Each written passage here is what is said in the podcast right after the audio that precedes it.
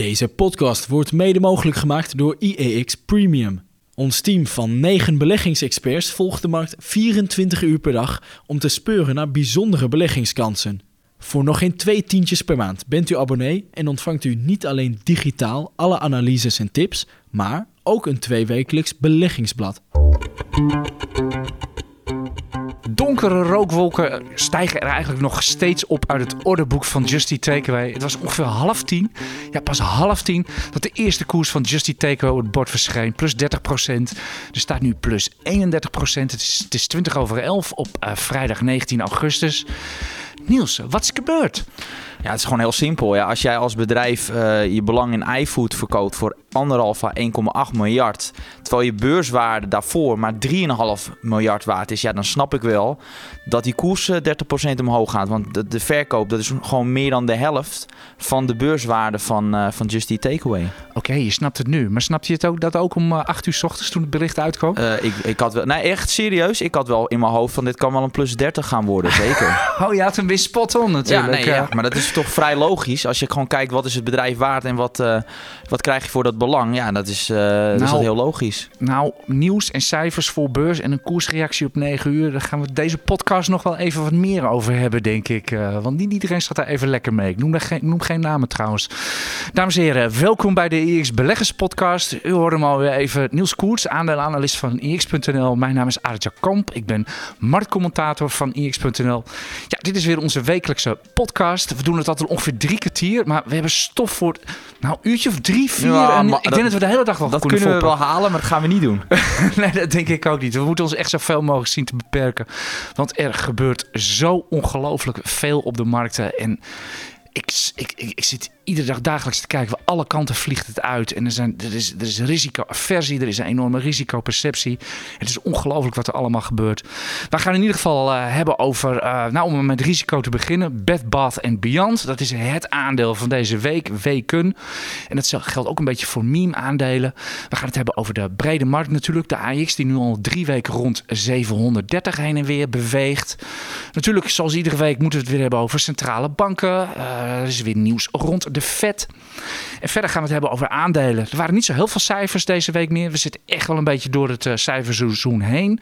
Amerikaanse grootgrutten strokken de aandacht. Maar waren hier natuurlijk in Amsterdam hadden we Adyen. Dat hakte erin. BAM was met cijfers, dat hakte erin.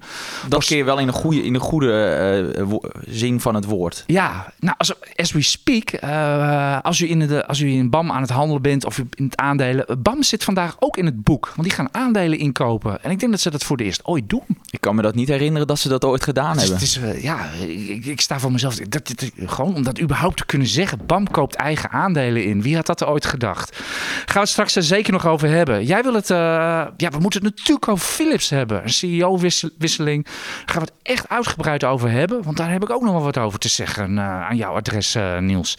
Dat kan misschien nog wel leuk worden. Jij wil het graag over Air France KLM hebben. Over Alphen. ik noemde het al even. BAM. En we hebben, ja, we hebben dit keer weer echt een Vlaams hoekje of een Belgisch we hoekje. We willen het erin houden. We willen het, want we hebben gewoon 10% van onze luisteraars. Ja, iets meer dan 10%. Ja, dus. nou, dus dan moeten we daar toch echt wel rekening mee houden. En, en ik, ik, volg ook gewoon Belgische aandelen, dus... Uh... Ja, nou, we, we, zijn gewoon vereerd dat Belgen, Belgen meeluisteren. En dan hebben we natuurlijk weer nog weer een zwik lezersvragen en luistervragen. We hadden voor 4, 5 uur stof, zei ik al even. Laten we maar gauw beginnen. We moeten het natuurlijk eerst over Just Eat Takeaway hebben. Prozus koopt dat belang voor 1,8 miljard van iFood. Ik zat nog met dat cijfer uh, in mijn hoofd destijds. Just Eat Takeaway kon het, hoe lang is dat geleden? Anderhalf, twee jaar geleden. Konden ze het voor 2,3 miljard verkopen. Ja, dus dat is ongeveer 20% minder. Alleen dan zou je zeggen van nou, eerst gingen ze niet akkoord met die 2,3 miljard. En waarom nu wel voor mag, 20% mag ik je lager? Om te beginnen, waarom, eerst gewoon maar even bij de basics beginnen Niels. Waar, waarom, waarom is het lager geworden? Jitse Groen wilde destijds, de CEO van Just Eat Takeaway, die wilde het niet voor 2,3 miljard verkopen. wilde minimaal 3 miljard voor hebben, dacht ik. Ja, ja en nu 1,5 okay. tot 1,8 dat ze krijgen.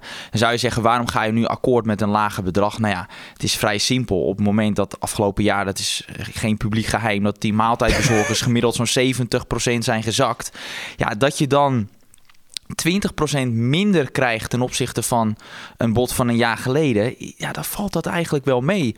Dus ik, dan kan het zomaar zijn dat omdat de, de marktomstandigheden zijn veranderd, het is gewoon een nieuwe situatie, en dat je dan minder krijgt, kan, je dan, kan het in principe nog steeds een betere deal zijn dan, dan een jaar geleden. Helemaal als je vergelijkt, het vergelijkt met de waardering van Just Eat zelf. Dus, dus wat mij betreft gewoon een goede deal. Uh, ik zag wel ook wat commentaar voorbij komen van ING die zeiden van nou, we hadden wel op meer verwacht. Ja, zij raamde 2,5 miljard. Maar als Just Eat Takeaway 3,5 miljard waard is, ja, dan gaat de markt gewoon niet vanuit dat je dat voor het oude voor ruim 2 miljard kan verkopen. Ik vind dit eigenlijk al een verrassing hoor, dat ze toch uh, ruim uh, 1,5 ja, miljard krijgen. Spel ik even advocaat van de duivel. Volgens mij heb ik mijn rijtje niet helemaal afgemaakt. We doen deze podcast altijd uit ons hoofd. We hebben geen autocue of, of, of, nee. wat dan ook. Dus uh, even, ik zei wel altijd, het is 20 over 11 op vrijdag. Dat wil ik wel, wil ik wel altijd nauwkeurig zeggen van als er gekke dingen gebeuren vanmiddag, dat u ons daar niet op kan aanspreken, omdat we dat gewoon nog niet weten.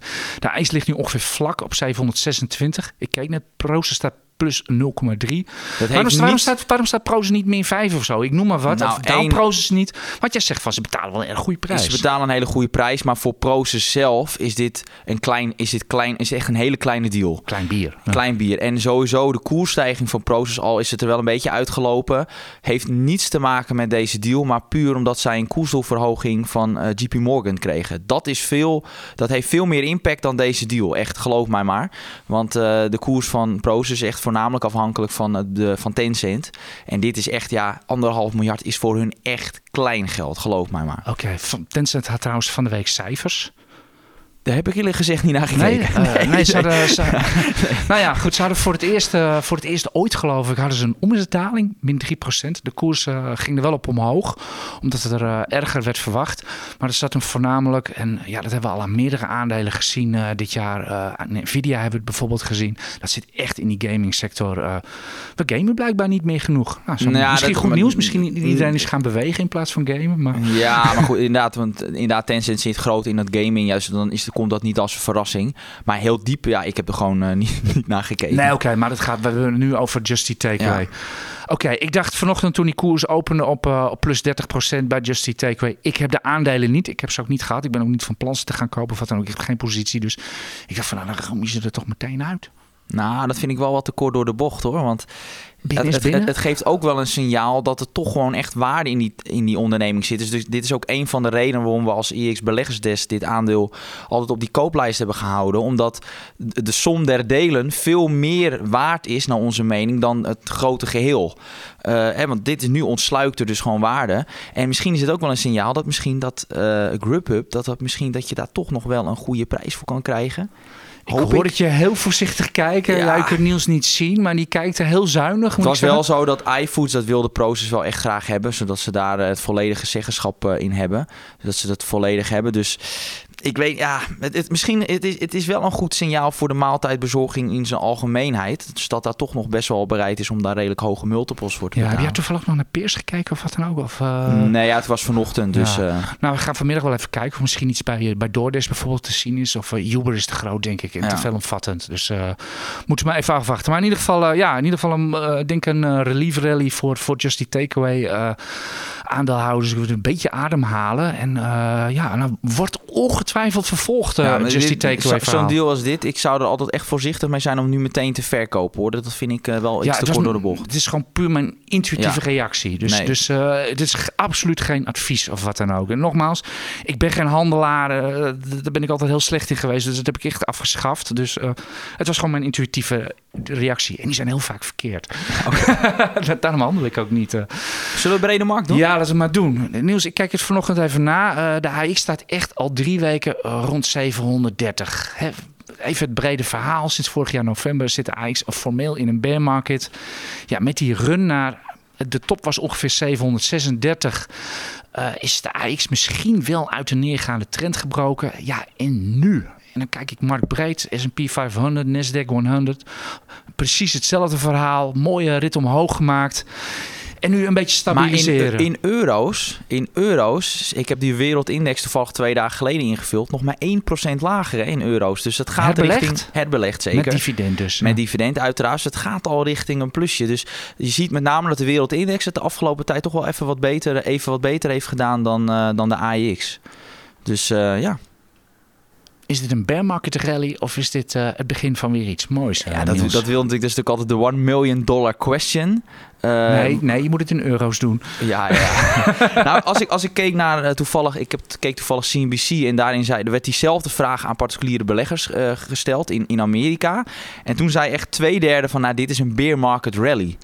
En een derde... eh, Wat is een bear market rally? Nou, dat is dan eigenlijk een soort van een stijging in een binnen een bear market. Oftewel een korte stijging, dan, dan ga je ervan uit dat het daarna weer omlaag gaat. Ja, ja, de bekende haaientanden Ja. in, de, in, de, in, de, in, de, ja, in de grafiek. Ja. En, en een derde dacht maar dat dit een begin van een nieuwe boelmarkt is. Dus de markt aan zich is vrij pessimistisch nog gestemd. Nou, dat stemt mij uiteraard weer optimistisch. Omdat, ja, want op papier ja, blijven er gewoon minder potentiële verkopers eh, over. Dus eh, het is natuurlijk wel zo dat op korte termijn voorspellen is natuurlijk bij- bijna geen doen. Helemaal niet op twee, drie maand basis. Ehm, wat ik wel zie, natuurlijk de rente die gaat nu wel weer wat omhoog. Dat is wel een punt van aandacht. Maar aan de andere kant, dat is ook weer het gevolg dat die economische cijfers toch niet eens zo heel slecht zijn. Ik zag laatst geloof ik het BBP-cijfer van, eh, van Nederland eh, voorbij komen. Ja, maar dat is, Q2, dat is het afgelopen kwartaal. Ja. We, zitten, we, zitten halverwege, we zitten halverwege Q3.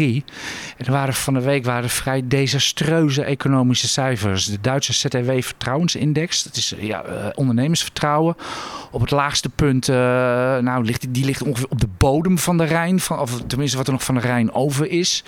De Philadelphia en de New York Fed indices, dat, zijn, eh, dat, is het economisch momentum in die, in, die, eh, in die regio's. Ook echt recordlage standen. Eh, de R komt terug in de maand. Ja, dat is meestal ook geen positief signaal. Nee, want eh, september heeft, eh, heeft het slechtste trackrecord op de beurs. Dat is een, dat is een maand met een, een negatief rendement, statistisch, vanaf 1896. Het trackrecord van de Dow Jones. Dus dat is niet theoretisch, dat is een echt cijfer. Oktober kennen we natuurlijk allemaal van de vele krachs en ellende en...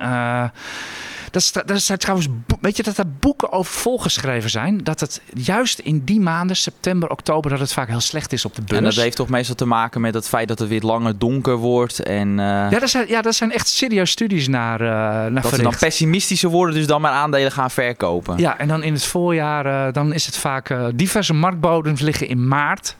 En Ja. die van 2009 bijvoorbeeld. En in 2020 hadden we zowel kracht als bodem Ja, maar in dat, maart. dat is echt toeval. Dat heeft echt niet, ja, dat, dat is ja, totaal niet significant. Dat is gewoon puur toeval Ja. natuurlijk. Met dat maar in ieder geval, ja, u, u, u kunt dat googlen eh, eh, op maandrendementen, et cetera. Dan gaat u al, allerlei staatjes zien. En eh, dat, is, dat is leuke statistiek. En dat is voor de echte beursliefhebbers is dat leuk om naar te kijken. Maar in ieder geval, jij noemde die rentes al. En dat is de, de reden waarom ik... Ja, ik, wil niet, ik ben niet bullish of bearish of wat dan ook. Ik vind dat er veel, heel veel risico is op dit moment. En hè, dat blijkt bijvoorbeeld uit eh, een aandeel als eh, Bed Bath Beyond al, wat, ik- wat ik al even noemde. Dat, dat gaat nu weer loeiend onderuit. Het staat min 40 op dit moment. Maar als het iets meer 40 gaat, dan hoort het toch nieuws te zijn, of niet? Dat is het dus niet. Nou ja, op de networks eh, is het wel nieuws. En ik denk op eh, Reddit Ja, en maar dat wat soort is dan de forums. reden waarom het min 40 gaat? Ah, er is helemaal geen reden Ja, voor. dat is toch krankzinnig? Eh, ja, maar dat zijn we toch intussen wel Ja. gewend bij wat meme-aandelen zijn gaan heten. Ik bedoel, Beth Bath Beyond. Gaat u niet naar de fundamentals kijken? Die zijn er überhaupt niet. En het is gewoon een eh, koers die beweegt. En eh, als je het goed hebt, eh, dan kun je 130 miljoen verdienen. Ja, dat, hoorde Was ik ook. dat? Dat, las ik inderdaad. Dat er een student of zo was. Die had Ja, en van 130 de miljoen. Amerikaanse snotneus van, van, van 20, eh, ja, die heeft 130 miljoen verdiend met, met dat aandeel. Maar ja, die had ook wel veel te besteden. Want Ja, ik, geloof dat hij met 30 miljoen erin ging of zo. Ja, In dan een zo'n meme aandeel aandeel, kopen. met, dan moet je dat geld echt geërfd hebben. Als je daarvoor hard gewerkt hebt, kan ik me niet voorstellen dat je dat in zo'n fonds eh, belegt. Nee. Maar wat, als, als die jongen bij jou zou aankloppen, hè, ik zei het al, ventje van 20, wat zou jij hem adviseren Ja, om met dat geld te doen? als je zo slechte... Eigenlijk ben je... Je hebt heel veel geld verdiend, maar toch vind ik je een slechte belegger. Als je met zoveel geld in dat fonds gaat. Ja, dan zou ik wat hem betreft gewoon een groot deel in ETF's eh, stoppen. En, en, en de rest van het geld, nou ja, ga daar lekker van leven. Leuke dingen doen, zou ik zeggen.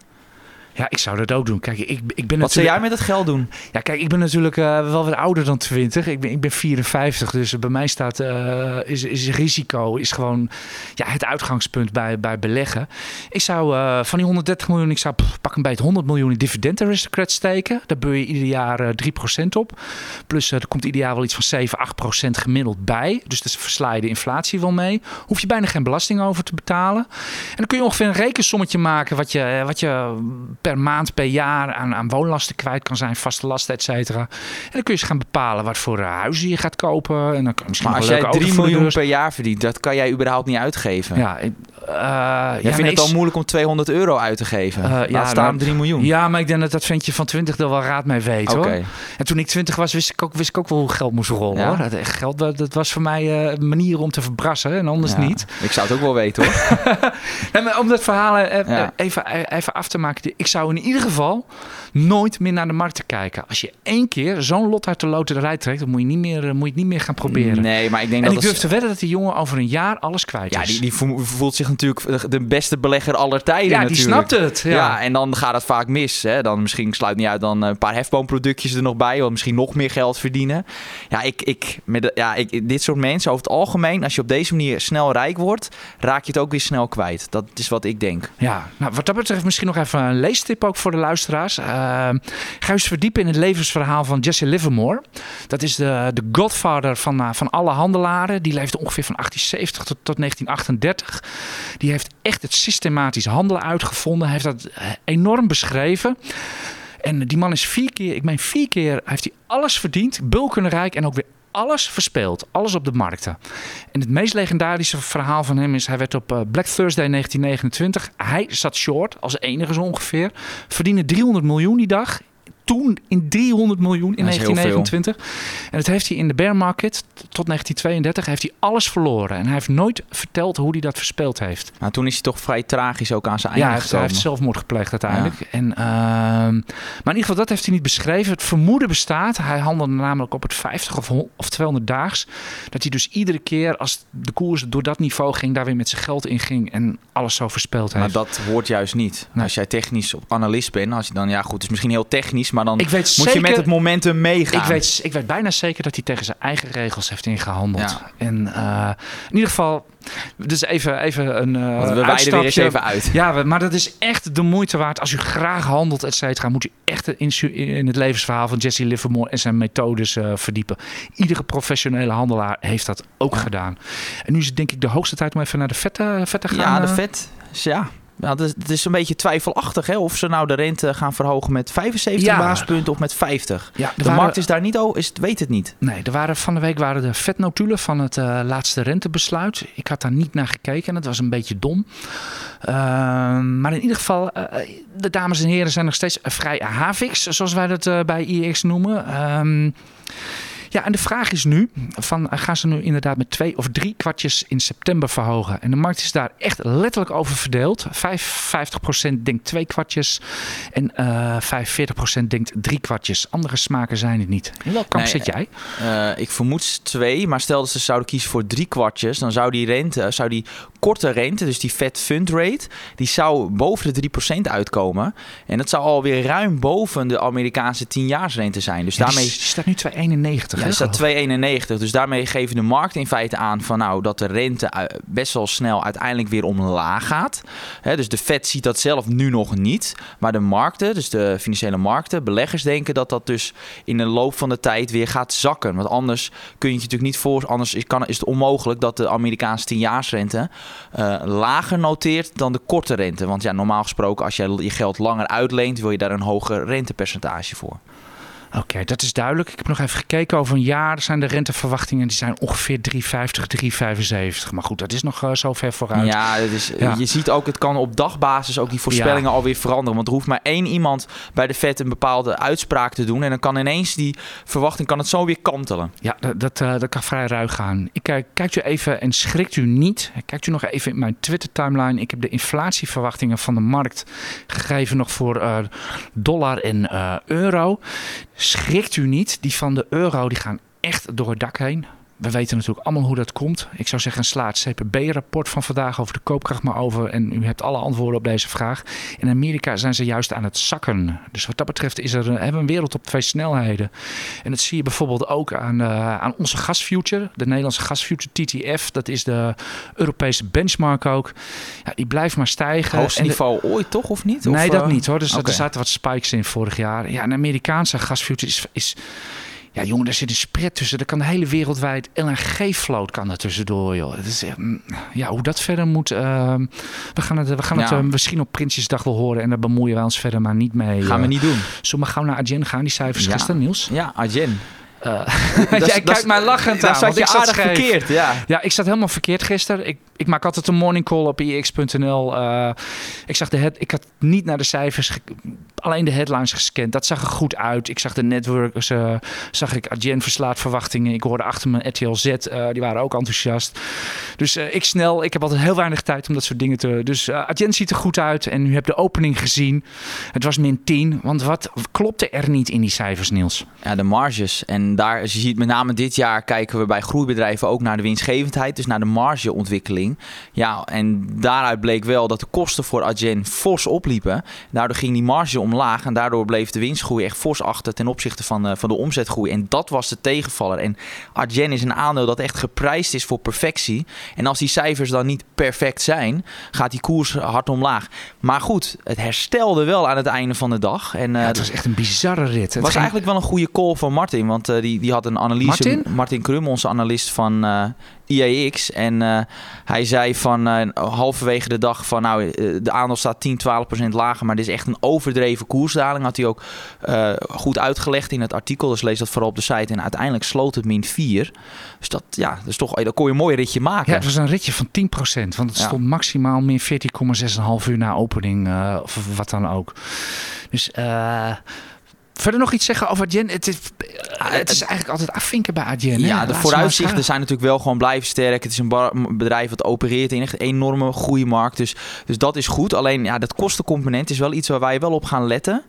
Uh, dus wij zijn er ook wel even voorzichtiger over het aandeel geworden. Zeker bij deze waardering die er nu staat.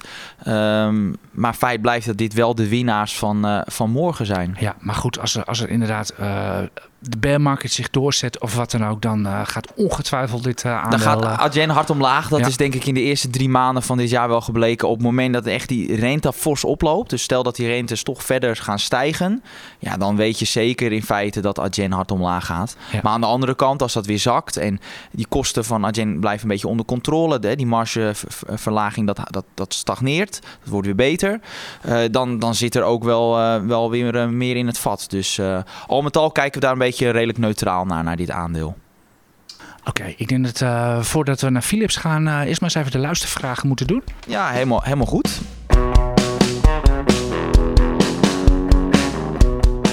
Wat heb jij zo al verzameld? Uh? Ja, en eerst een vraag van Jan Jansen, uh, 57. Jan Jansen? Jan Jansen, 5795. Oh, dus niet de Jan Jansen die ooit Tour won? Uh. Nee, dat denk ik niet.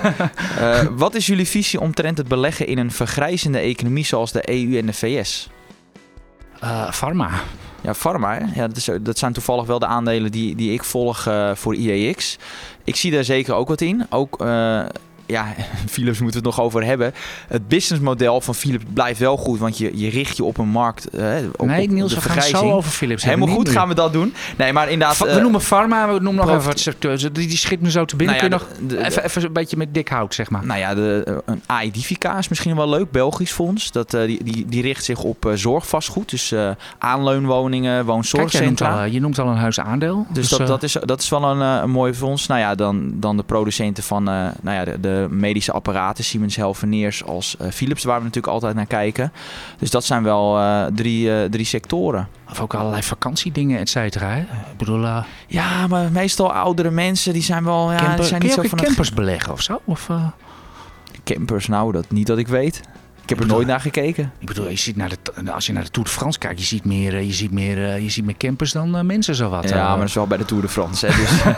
nee, maar in principe, um, ik ben wel enthousiast. Ook wat namen inderdaad, uh, heb ik zelf ook in mijn portefeuille bedrijven die daar dus op inspelen. Onder andere een Philips, maar ook uh, Sanofi heb ik sinds kort. En ook Bristol Myers. Dus dat zijn ja, je die houdt, daarvan... wel, je houdt wel van pharma. Ja, dat ja. zijn natuurlijk ook wel... echt wel waardeaandelen. Pharma, mooi dividenden, aandelen inkopen. Eh, er zijn nog genoeg dividenden aristocrats onder die fondsen. Volgende vraag. Welk aandeel wereldwijd is volgens jullie favoriet om in de resterende maanden van 2020 nog een overnamebod te krijgen? En waarom is dit volgens jullie zo? Als ik echt de overnamekandidaat van 2020, AJ, brandlos. Eh, poeh, die weet ik even zo snel niet. Eh, Nou, noem, jij maar. Ik zal je helpen. Eh, ik, heb, ik heb zelf toevallig ABN AMRO, dus ik hou het gewoon dicht Ach, bij ja, huis. natuurlijk. En eh, dat is met name omdat ze zijn de laatste tijd zeer gekrompen. Het hoofdkantoor in Zuid, aan de Zuidas is verkocht. Die internationale tak is eh, natuurlijk afgebouwd. Dus, eh, dus het is een bescheiden retailbank geworden wat niet sterk presteert. En ik denk wel dat, eh, dat er betaald. partijen Hm. zijn die geïnteresseerd zijn. Ik geloof dat er waren natuurlijk al geruchten enkele maanden. Ja, ja, ja BNP geleden. Paribas werd genoemd. Daar zou Dus- misschien wel mooi in passen. dus ja. ik zie dat wel als de kandidaat. En we hebben in het verleden natuurlijk ook Figro nog Ja. genoemd met Hal.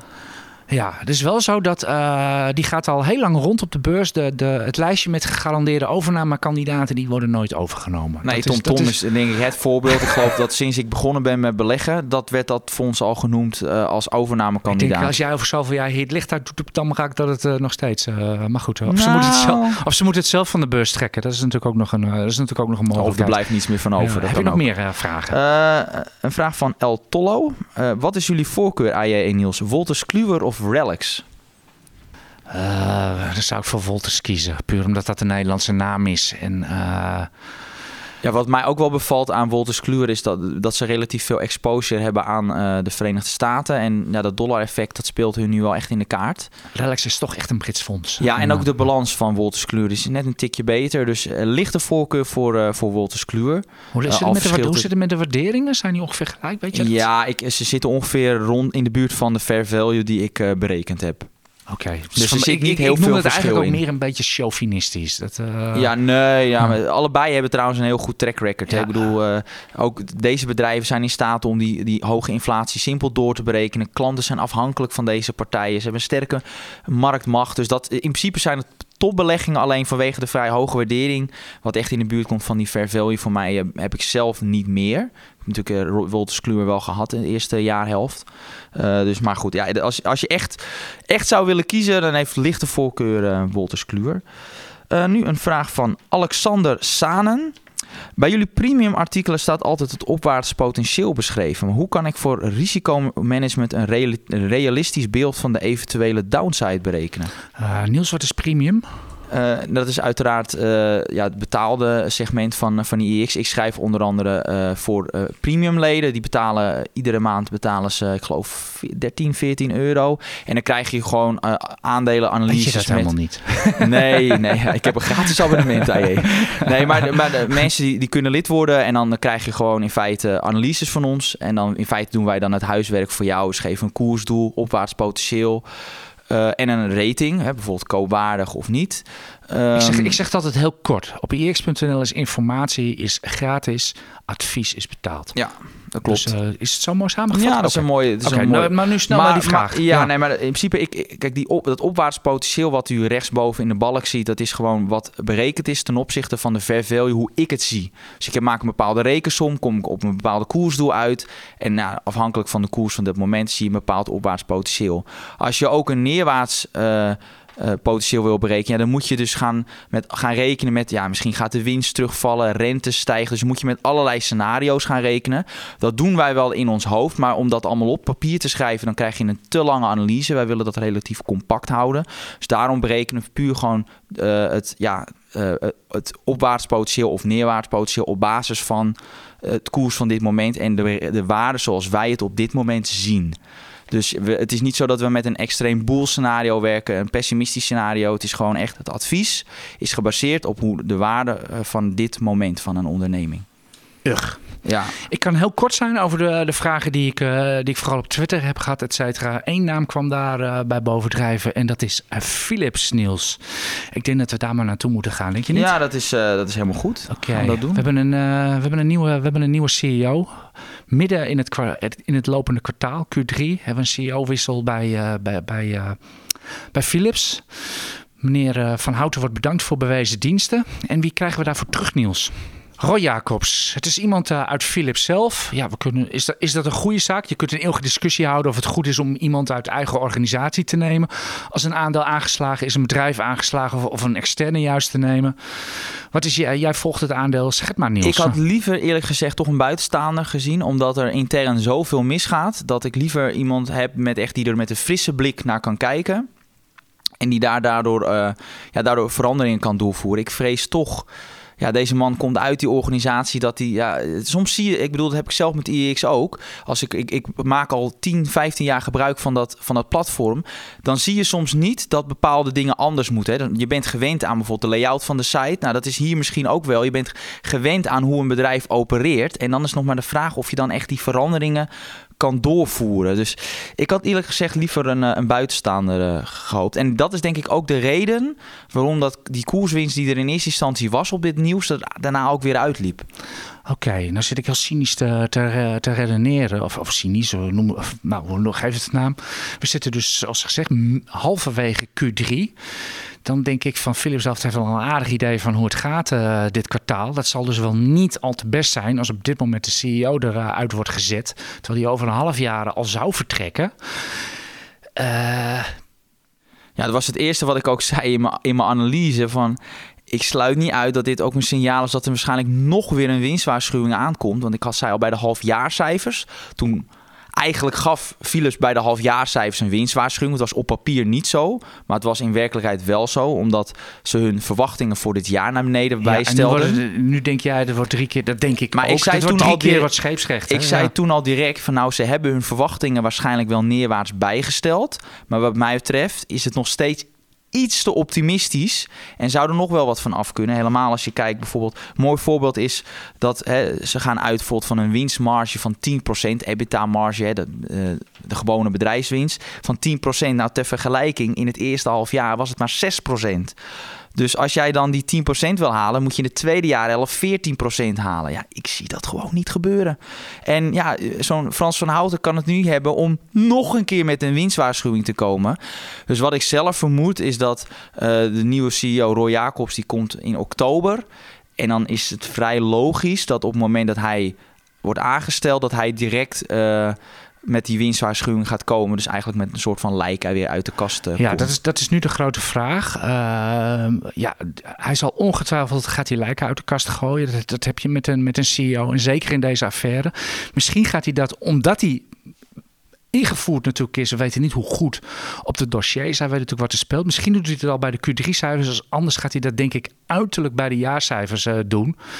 Het hangt er een beetje vanaf. Als, als Philips met de uh, derde kwartaalcijfers komt, of dan, ja, ik geloof dat hij dan wel al is aangesteld. Het hangt er een beetje om. Uh, want hij, heeft, hij wordt pas over nou twee ja, goed, maanden in dan, dienst. gaat even wanneer ja. komen de lijken op straat te liggen. Ik ja. denk uiterlijk volgend jaar januari, als ze dan met, uh, met de jaarcijfers gaan komen. De, want een, een, een, nieuwe CEO die wil natuurlijk niet verantwoordelijk zijn voor de, nee. de rommel die zijn voorganger heeft uh, achtergelaten. Die gooi je op straat.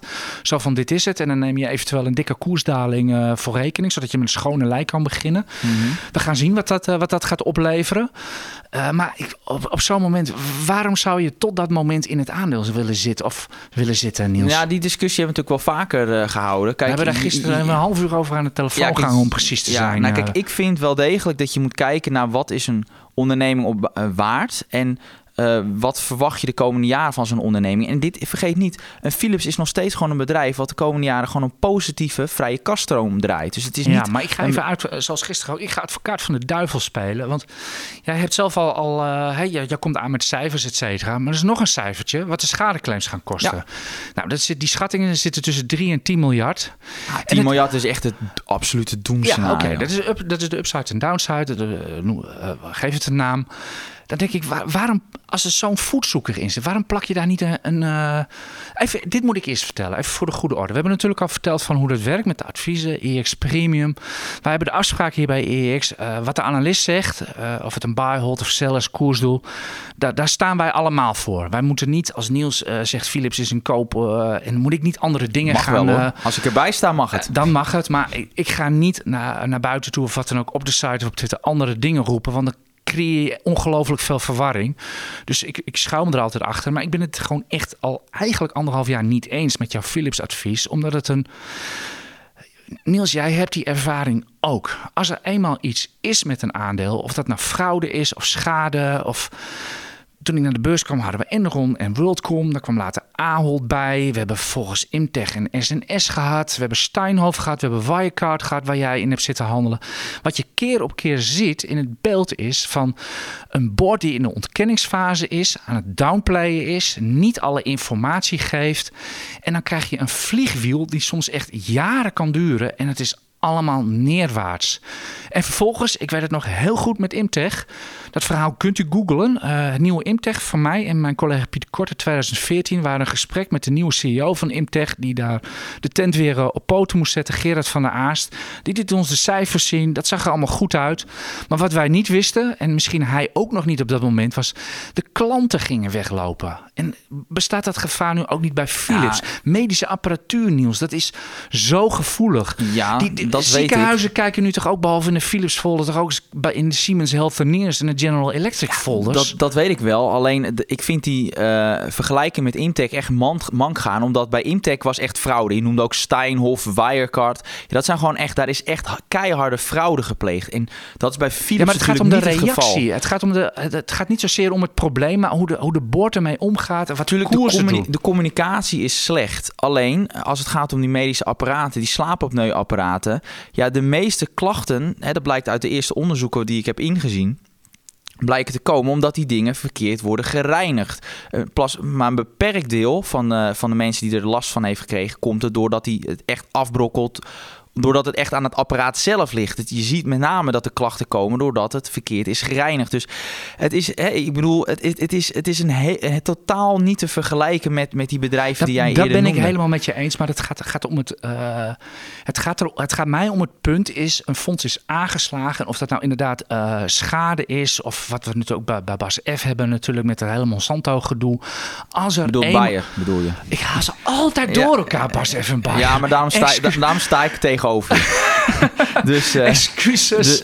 nee, maar, maar dat, ik snap wel van dat misschien klanten misschien wat voorzichtiger worden. Alleen nog steeds, ook bij Philips, zie ik nog steeds... Beleggers worden kopschuw. Ja, maar institutionele beleggers krabben zich nog eens achter Als ik kijk naar Philips, het orderboek, dat stijgt nog steeds. Dus het is, hè, die omzetdaling komt niet doordat het orderboek daalt. Nee, dat komt omdat Philips ook met die problemen die toeleveringsketen zit. Ze zitten met het aanbod, aanbodprobleem. Andere bedrijven regelen niet, dat prima. Ja, nee, nou, Siemens Healthineers klaagt er nu ook hoor, bij de, bij de halfjaarcijfers. Dus, dus wat je ziet is dat het probleem bij Philips niet zozeer... Het is nog steeds niet vraaguitval, absoluut niet. Het is wel zo dat uh, het orderboek bij uh, Siemens Healthineers sterker is dan dat van Philips. Maar het orderboek van Philips is nog niet gezakt. Je ziet dat het probleem bij de aanbodzijde ja, ik vind het een heel mooi verhaal. Maar ik bedoel, uh, we zitten in een bear market. Tenminste was het in ieder geval H1 zo. En dit soort aandelen dan... Nee, ik, maar ik, ik zou er gewoon... Nee, maar ik, vind, dat je er gewoon no rating ja, op moet nee, plakken. Maar ik vind het je te, geen som kan maken. te gemakkelijk om te zeggen van nou, het heeft issues, dus doe maar niet. Want het, het heeft dat, zeg ik, dat zeg ik wel, want het is gewoon 20 jaar beurservaring. Dat, Jij loopt ook 13 jaar mee. Je hebt het ook allemaal meegemaakt. Jij moet ja, nee, maar ik wil wel iedere situatie op zich bekijken. En ik zie wel degelijk waarde in Philips. En het is niet voor niets. Dat ik ook, maar, dat risico... Uh, maar dat, het kan altijd, je kan het altijd nog wel een keer kopen. Ja, ik zou het overigens, als ik de aandeel had, zou ik ze ook nu niet meer verkopen. Bedoel, die, dat niet. Die 3 miljard, dat neem ik dus wel degelijk mee. En dat extra risico bijvoorbeeld, misschien met weglopende klanten, dat die schade iets hoger uitvalt. Uh, dat neem ik wel degelijk mee in een discount van 25%. Voor een bedrijf als Philips vind ik een discount van 25% echt best wel fors hoor. En dan kom ik uit toch wel echt op een waarde van 25. Ja, dan is het, dan is het aan je als belegger om te kijken van wil je, wil je instappen. Maar ik vind op de basis van de informatie waar ik nu over beschik, vind ik dit bedrijf 25 euro per aandeel waard. Ik, uh, en, ik moet het allemaal nog zien. Ik moet die nieuwe CEO nog zien. Ik denk uh, van dat er wel leukere en dan dingen... Neem ik, dus... ik denk dat er wel leukere dingen op de beurs uh, te doen zijn. Ik zeg no rating, jij zegt. Ja, en, en, dan, wat ik... en verder moeten de, moeten de luisteraars verder zelf maar oordelen. Want hebben we voor. Ja, wat ik wel wil meegeven... Hij zal ook, moet ook het laatste nee, woord ik wil hebben, het laatste woord, want ik heb dus ook meegenomen dat er een winstwaarschuwing aankomt. Dat ik rekende met mijn eigen taxatie, die ligt onder de taxaties van Philips. Dus ja, ik ben wel degelijk conservatiever met een hoge discount. Dus ik zie die 25 euro, ja... Eh, Al dus, Dat kan- al dus aandelen dat dominee kan Niels natuurlijk Koers. Ik blaas er nu Oké. aan de bam. bam. Ik- dat- je wilt niet naar bedrijf... serieus, nou, Ja. ja, serieus, hier hadden wij dus gisteren, we hadden hetzelfde debat gisteren hierover te- aan de telefoon. Het is echt het, eh, het is echt het, eh, het is echt het oordeel aan u. Zo. Ja. En eh, dat is wat uiteindelijk telt. Bam. Ik zei het al even, ze zijn aandelen aan het inkopen. Ze gaan weer dividend betalen. Ze willen ook niet zeggen hoeveel. Eh, gisteren waren er natuurlijk cijfers. Die waren, ja, voor BAM-begrippen waren die eh, exceptioneel goed. We, hebben, we moeten, moesten echt zoeken naar de bekende lijken in de rapportage. Ik heb ze niet gevonden. Nee. Mart, onze analist Martin Krum is ook nog bezig, geloof ik. Nou, normaal heeft, hebben- heeft Peter Schutte doet dat aandeel Oh, alleen. eh, hij is op vakantie, dus dan doet Martin die, eh, mag naar BAM kijken. dus ik verwacht dat we daar vrij snel een analyse over, eh, over hebben. Maar, maar, maar, maar serieus, het is, eh, eh, we moeten het nu echt, even echt over, over BAM hebben. Eh, is dit een turnaround bij BAM? Ehm, nou, ik ben daar wel heel voorzichtig mee, omdat dit het is een bedrijf met lage marges, dus er hoeft maar iets te Kijk, ik gebeuren. vind dat je nu alweer in tegenspraak met jezelf bent, hè? Met, met Philips. BAM heeft natuurlijk een trackrecord, heel slecht trackrecord. Ja. En vandaar ook onze cynische humor eh, Ja. over het aandeel. En dan denk ik, eh, is dat nog wel terecht bij hoe het bedrijf nu presteert? Ehm, Aandelen, Ja, inkoop, dividenden doe je niet als je, als je een beroerde cashflow hebt. eh. Nee, maar ik vind nog steeds de solvabiliteit kan echt nog wel beter. En ja, er hoeft maar, weet je, ik, ik, met, met BAM hebben we in het verleden zoveel negatieve verrassingen gehad. Gaat hij weer, hè? Ja, dan, nee, maar dan, dan ben ik gewoon oprecht voorzichtig mee. Ik zie in een Philips veel meer kansen dan in een BAM. Ja, Philips of Dus- BAM, die mag u echt, eh, die mag u ons echt, u mag kiezen, zegt u, het, vertelt u het ons maar. nee, maar wat dat ik, is toch wat ik nog wel even op, over BAM wil opmerken is, oké, het bedrijf eh, is echt eh, behoorlijk opgeschoond, maar ik zie er zelf geen fantasie meer in. Grote projecten doen ze niet. Huizenbouw moet er natuurlijk vooral van gaan komen. Ja, er wordt niet zoveel gebouwd meer in, eh, in Nederland. Er worden, er worden geen vergunningen meer afge- afgegeven. Ik zie dat miljoen woningen van eh, minister Hugo de Jonge er niet komen. Wie wel? Uh, Dus ja, wat, wat is de.